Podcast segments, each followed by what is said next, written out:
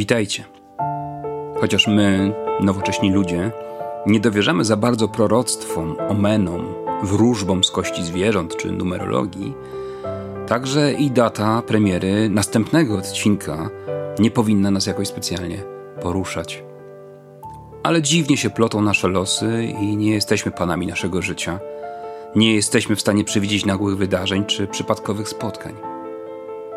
W czasie pobytu pogawędnikowej ekipy w Zakopanem i przygodzie z zakopiańskimi prezentacjami artystycznymi Pępek Świata, o której możecie posłuchać w dwóch poprzednich odcinkach, spotkaliśmy naszą dobrą znajomą, filozofkę z Uniwersytetu Śląskiego, dr Alicję Pietras. Nasza rozmowa wzmogła tylko poczucie straty, jaką wszyscy odczuliśmy po śmierci wybitnego znawcy filozofii niemieckiej i współpracownika dr Pietras, profesora Andrzeja Norasa.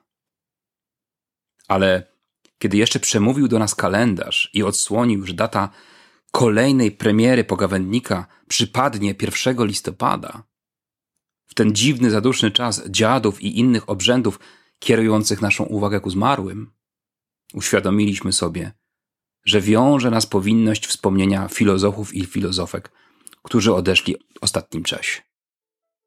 Ale nie jesteśmy w stanie choćby nawet wspomnieć ich wszystkich. Miniony rok był bowiem w ponury sposób szczególny. Pożegnaliśmy tak wiele osób oddanych filozofii, że nawet krótkie wspomnienia o każdej z nich przerosłoby nasze siły. Uznaliśmy, że oddamy głos dr Alicji Pietras i wspomnimy profesora Andrzeja Norasa.